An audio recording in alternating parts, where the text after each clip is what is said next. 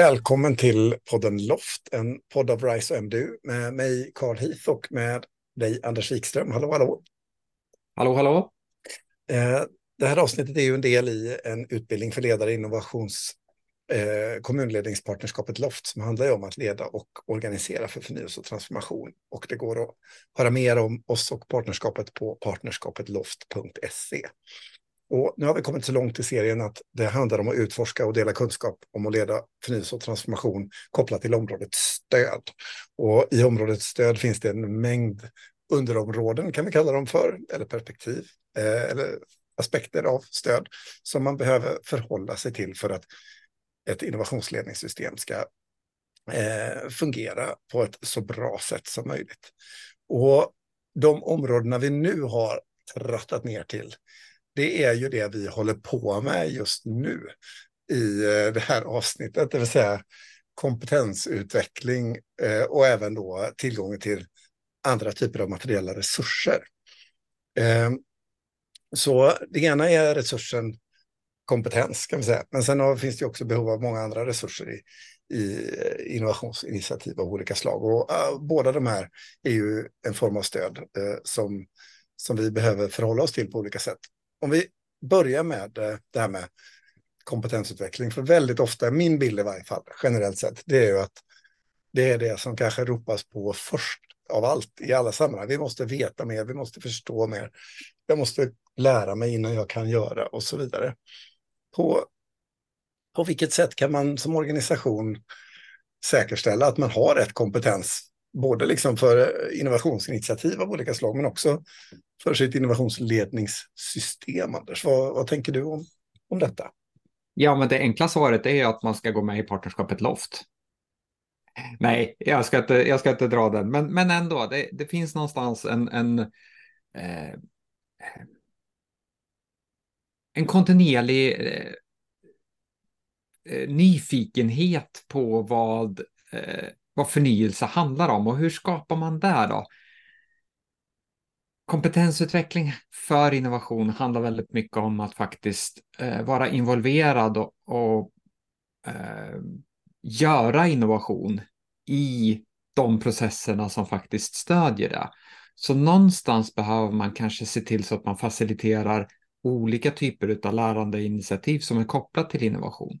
Eh, och genom att involvera lite bredare publik i den typen av initiativ så skapar vi också en bredare kunskapsutveckling eh, och kunskapsförsörjning kopplat till innovation.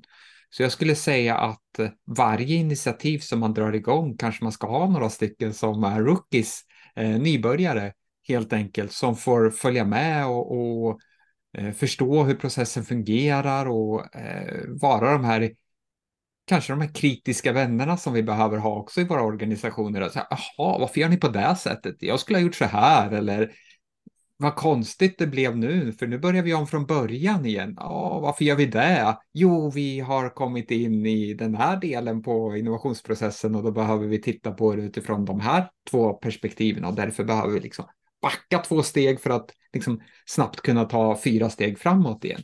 Så att jag, jag tror kompetensförsörjningen handlar mycket om att sprida eh, eh sprida eh, medverkan i de olika initiativen som man eh, genomför och se till så att man har eh, olika delar i organisationen engagerade i de initiativen som man drar igång också kontinuerligt över tid. Jag tänker två saker när det kommer till just eh, eh, att säkerställa rätt kompetens eh, i organisationen. Den ena handlar ju om liksom den, kan man säga, den informella kompetensutvecklingen i en organisation som ju hänger ihop med innovationskultur och, och innovationsklimat. Att, att, eh, och det du är inne på kring nyfikenhet, att skapar mm. vi en nyfikenhet för lärande generellt sett eller en eh, skapar vi en öppen organisation som gör att man kan prata om när det liksom inte gick bra och liksom skapa ett lärande i det och så. Ja, då uppstår det en mängd olika typer av informella ytor och platser och sammanhang. Liksom på fika rasten eller på en arbetsplatsträff eller vad det än må vara, liksom, där man resonerar kring och utvecklar egentligen sin innovationspraktik genom det liksom inkrementella utvecklingen av samtalen om det hela, liksom, löpande som man håller på. Liksom. Eh, och, och, där, man liksom, där det inte finns en rädsla för att kastas ut i de samtalen, utan att, att de, de får finnas där. Liksom. Så den där kulturdimensionen av kompetens i organisationen, den, den tror jag är oerhört viktig och att de hänger ihop med varandra. Men sen den andra aspekten av det, den handlar ju om det lite mera formella. Att säga, men hur skapar vi en, en eh, struktur som gör att vi kontinuerligt har den kompetens vi behöver för den här typen av frågor. Eh, det är ju allt för ofta tror jag som man liksom kör en innovationsdag. Man utbildar folk, bockar av det och så går man vidare. Mm. Ehm, men då tar man inte höjd för att personal kommer och går. Ett halvt år senare så har man nya personer som inte var med på den där dagen och som inte har den där kunskapen som man behöver. Mm. Men också att man kanske inte förankrar den där teoretiska framingen av saker och ting in i ens praktik och sammanhang. Utan att man behöver hitta sätt att jobba med sin kompetensförsörjning också på det här området som möjliggör för kunskap att nå ut i organisationen och att finnas där löpande då.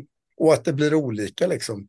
Vilken kompetens är det som alla behöver ha i organisationen? Vilken kompetens är det de som ska jobba med innovationsinitiativ behöver ha? Vilken kompetens behöver våra ledningssystem ha i organisationen? Mm. Vad behöver våra politiker veta och lära sig om området för att ha rådighet att fatta beslut? Eh, så för mig väcker frågan om det här med att organisera rätt kompetens. Det liksom packar upp väldigt många olika dimensioner av hela det här området på något sätt. Ja, men det gör ju det. Och, och jag, jag tänker ett, en väg in som flera organisationer eh, använder sig av nu in i just kompetensutvecklingsområdet, det är att anställa innovationsledare i organisationen som Eh, som facilitatorer och som ansvariga personer som man kan vända sig till för att få det stöd och hjälp man behöver som ledare för att till exempel genomföra en, en utforskande aktivitet på ett APT. Vilka verktyg och metoder ska jag använda där? Ju fler eh, sådana aktiviteter som innovationsledarna kan involveras i, desto mer sprider vi också kunskapen i hur man kan arbeta med innovation i de olika faserna bredare i organisationen. Så jag tror att det är också en, eh, en del i den här kompetensutvecklingsfrågan eh, som du är inne på här, en innovationsledare som kan prata både med politiken och med eh, förskolepedagogen och med undersköterskan ute på ett äldreboende eh, för att säkerställa att de också eh, får en kompetenshöjande aktivitet när de bara är involverade i någon liten del man inte bara går ut och frågar vad tror du, utan att man förs äh, försöker förklara hur, hur eh, kommer den frågan jag kommer ställa till, hur kommer den användas i vårt innovationsarbete? Och då behöver man ju få en ökad medvetenhet och kommer vi tillbaka till det här med medvetenhet och kommunikation, men också eh, för att landa in i någon typ av kompetensutveckling på medarbetarnivå då, på de olika funktionerna som finns i vår eh, organisation jag tänker på det här temat också, att det du beskriver nu, det är ju liksom en kompetensförsörjning av organisationen i form av en specifik spetskompetens, innovationsledningskompetensen som då mm. finns hos liksom en eller flera personer i organisationen beroende på hur stor den är. Mm. Eh, men sen har vi också den här liksom organisatoriska dimensionen av kompetensförsörjningen. Vi kanske har en HR-avdelning som har ett eh, gemensamt kompetensutvecklingsprogram i, i organisationen. Men på, i respektive förvaltning eller avdelning och så vidare så har vi också lokala eh, typer av liksom strukturer för kontinuerlig kompetensutveckling. Och en dimension, tänker jag, av just att säkerställa organisatorisk förmåga och kompetens i detta, det handlar ju om att ur ett innovationsledningsperspektiv titta på de här strukturerna som man har för hur löpande kunskapsutveckling går till i organisationen och fundera över vad passar den här frågan in som en slags löpande kunskapshöjning? Har man liksom, hur ser ens verktygslåda ut för hur man säkerställer en kompetensökning i organisationen och hur ser man till att den här blir en, att innovationsledningen blir en del av den där allmänna löpande processen av kunskapshöjning som vi alltid måste ha och mm. som finns där när vi har en onboarding av en ny medarbetare eller som finns där när man går in i en ny typ av tjänst eller vad det kan vara för någonting.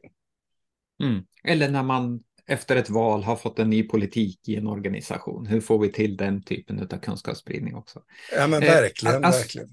Alltså det, det, finns ju organisationer som till och med har slagit ihop eh, rollen, ansvaret för innovation med ansvaret också för, eh, Eh, för kompetensförsörjningen. Så HR och innovationschefer finns runt om i olika typer av organisationer.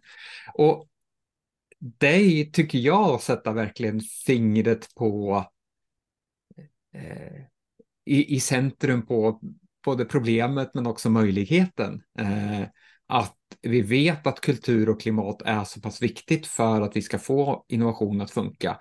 Och vi vet att vi också behöver utveckla förmågor som skiljer sig åt i våra organisationer nu mot, mot eh, tidigare.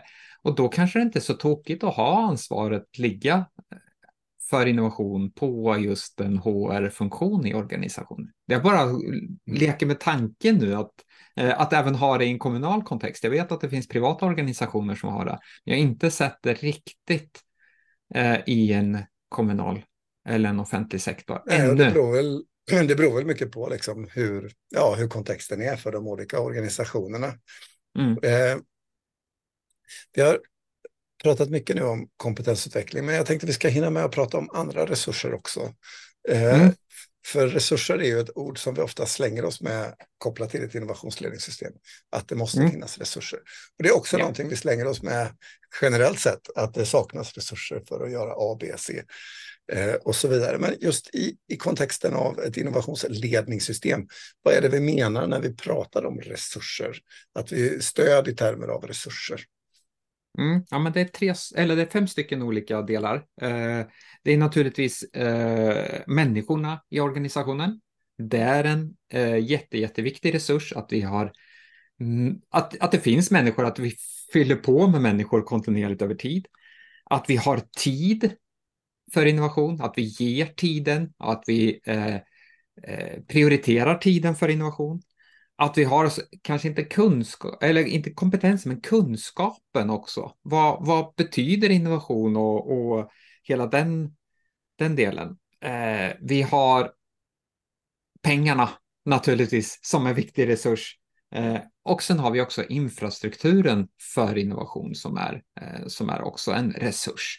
Eh, så det är de fem delarna som eh, som jag tycker är centrala, som också ISO 56002 tycker är centrala. Eh, och det är de som man kan arbeta med. Och bara ett exempel, vi har pratat ganska mycket om det här med tid, men, men den är ju så pass central. Jag var med och hjälpte en organisation att införa tid för innovation, alltså fri tid, Eh, för de ville verkligen ha det. Och vi provkörde några månader.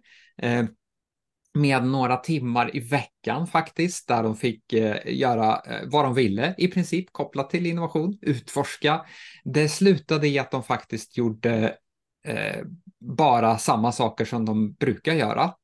Eh, och en av de anledningarna som vi identifierade var att de kanske inte hade den specifika inriktningen på eh, vad betyder innovation för mig?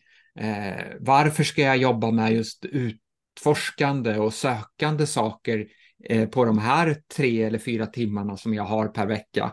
Eh, och det landade någonstans också ner i en, en kanske en grundmedvetenhet om vad, vad innovation är för dem i sin organisation. Så, och då fick vi liksom styra om lite och säga att nej, men innovation och den tiden som ni har avsatt för det här måste riktas in på eh, aktiviteter som är kopplade till vår kärnverksamhet. Eh, ni har också ett ansvar för att återberätta varje vecka till resten av eh, kollegiet vad det var för någonting som ni faktiskt har utforskat. Eh, vilka nya lärdomar. Och då blev det en helt annan fart på deras eh, sökande och deras utforskande av nya möjligheter. Så det, liksom, det räcker inte bara ge tid, utan man måste också ge riktningen och skapa den här medvetenheten, eh, kunskapen, infrastrukturen kanske också, verktyg, ja, metoder. Mm. Jag tänkte komma in på det med infrastruktur och pengar. Att, mm. För en dimension av infrastruktur, det är ju någonting som verkligen ser olika ut beroende på vad det är man håller på med för någonting.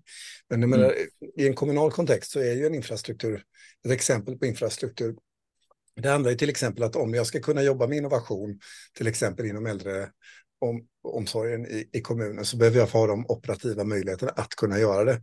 Tiden har vi varit inne på som sagt, men det gäller även de praktiska infrastrukturella förutsättningarna. Att vill jag pröva eh, trygghetslarm och hur det fungerar i, i kommunen eller vad det nu är för någonting som jag håller på med.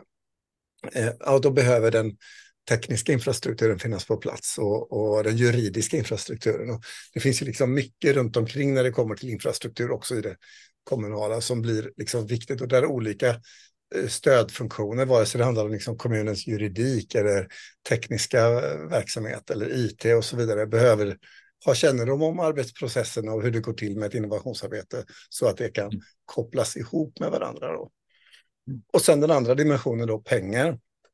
Där är det ju verkligen en komplex fråga kring resursallokering av innovationsinitiativ, hur man väljer att förhålla sig till det. Och där ser det väldigt olika ut i kommuner. Är det så att man har en gemensam pott pengar för innovationsinitiativ som man kan söka för eller som beslutas av en chef i linjen eller är ekonomin eh, distribuerad i förvaltningarna där man eh, liksom förutsätter att det sker innovationsinitiativ innanför ramen av förvaltningarnas resurser eller är det en fond som man förhåller sig till? Ja, liksom lösningarna här är många och det är inte självklart så att det finns ett rätt och fel sätt i detta som vi har landat i än så länge. Det kanske vi gör längre fram i en annan artikel eller så. Men där vi är nu så är det här inte någonting som vi riktigt kan säga om annat än att det som vi vet om, det är naturligtvis att det är viktigt att det finns resurser för att hålla på med innovation, eh, innovationsinitiativ. Det är viktigt att det finns ett resurssatt innovationssystem i sig självt. Mm. Eh, så att man har, har förutsättningar för det. Och sen tänker jag också att det finns en viss eh, det finns ett värde när det kommer till innovationsledningssystemen ur ett framförhållningsperspektiv. Att den här resursen, ekonomiska resursen man har är eh, satt över en längre tidsspann. För ska vi nu jobba med långsiktiga initiativ så blir det ju svårt om våra budgetcykler är alldeles för korta till exempel. Så det finns många aspekter att tänka mm. på, både när det gäller eh, pengar eh, som en förutsättning och, och, infrastruktur, tänker jag. Vad, får, vad väcker det för tankar hos dig, Anders? Men det tänker, väcker jättemycket tankar och det här med, ehm, med att balansera det här kortsiktiga, långsiktiga. Hur, hur mycket pengar ska vi sätta av till, till eh, förnyelse och innovationsarbete i relation till vårt ständiga förbättringsarbete eller våra utvecklingsinitiativ som vi har som vi planerar på ett års basis eller två års basis. Eh, så det där är ju en, ehm, där är en balansering som inte inte bara eller som inte alls hamnar på, på medarbetarnivå, utan den hamnar ju, hamnar ju uppe på eh, politikernas eh, nivå i mångt och mycket.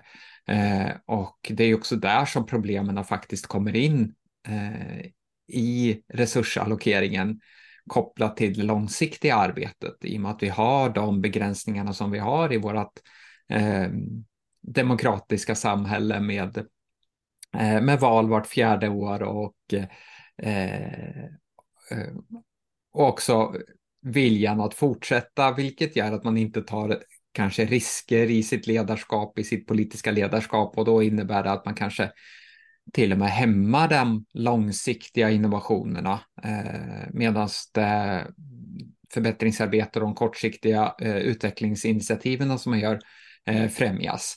Eh, men det finns ju exempel på kommunala organisationer som faktiskt lyckas eh, balansera det här. Eh, och, det, och det kanske hamnar i att man, att man har insett att vi inte klarar av det på bara tre eller fyra år, utan de utmaningarna som, står, som man står inför, utan man måste sätta upp ett eh, längre tidsperspektiv och arbeta mer långsiktigt och kanske till och med eh, partiöverskridande kopplat till en del utmaningar. Och då kanske det blir också lättare med de långsiktiga resurstilldelningarna och eh, att se till så att man har tid att arbeta med innovation i, eh, i alla delar i organisationen. Jag tror att det blir ett bra ställe att runda av på. Vi kommer Absolut. ju att fortsätta att resonera kring detta men knyta ihop säcken kring stöd i nästa avsnitt där vi lyfter på blicken igen och tittar på helheten kring stöd och resurser i ett lite mera eh, helhetsorienterat perspektiv som sagt. Men till nästa gång Anders får du ha det så gott. Ja men detsamma Karl. Hej hej. Hej.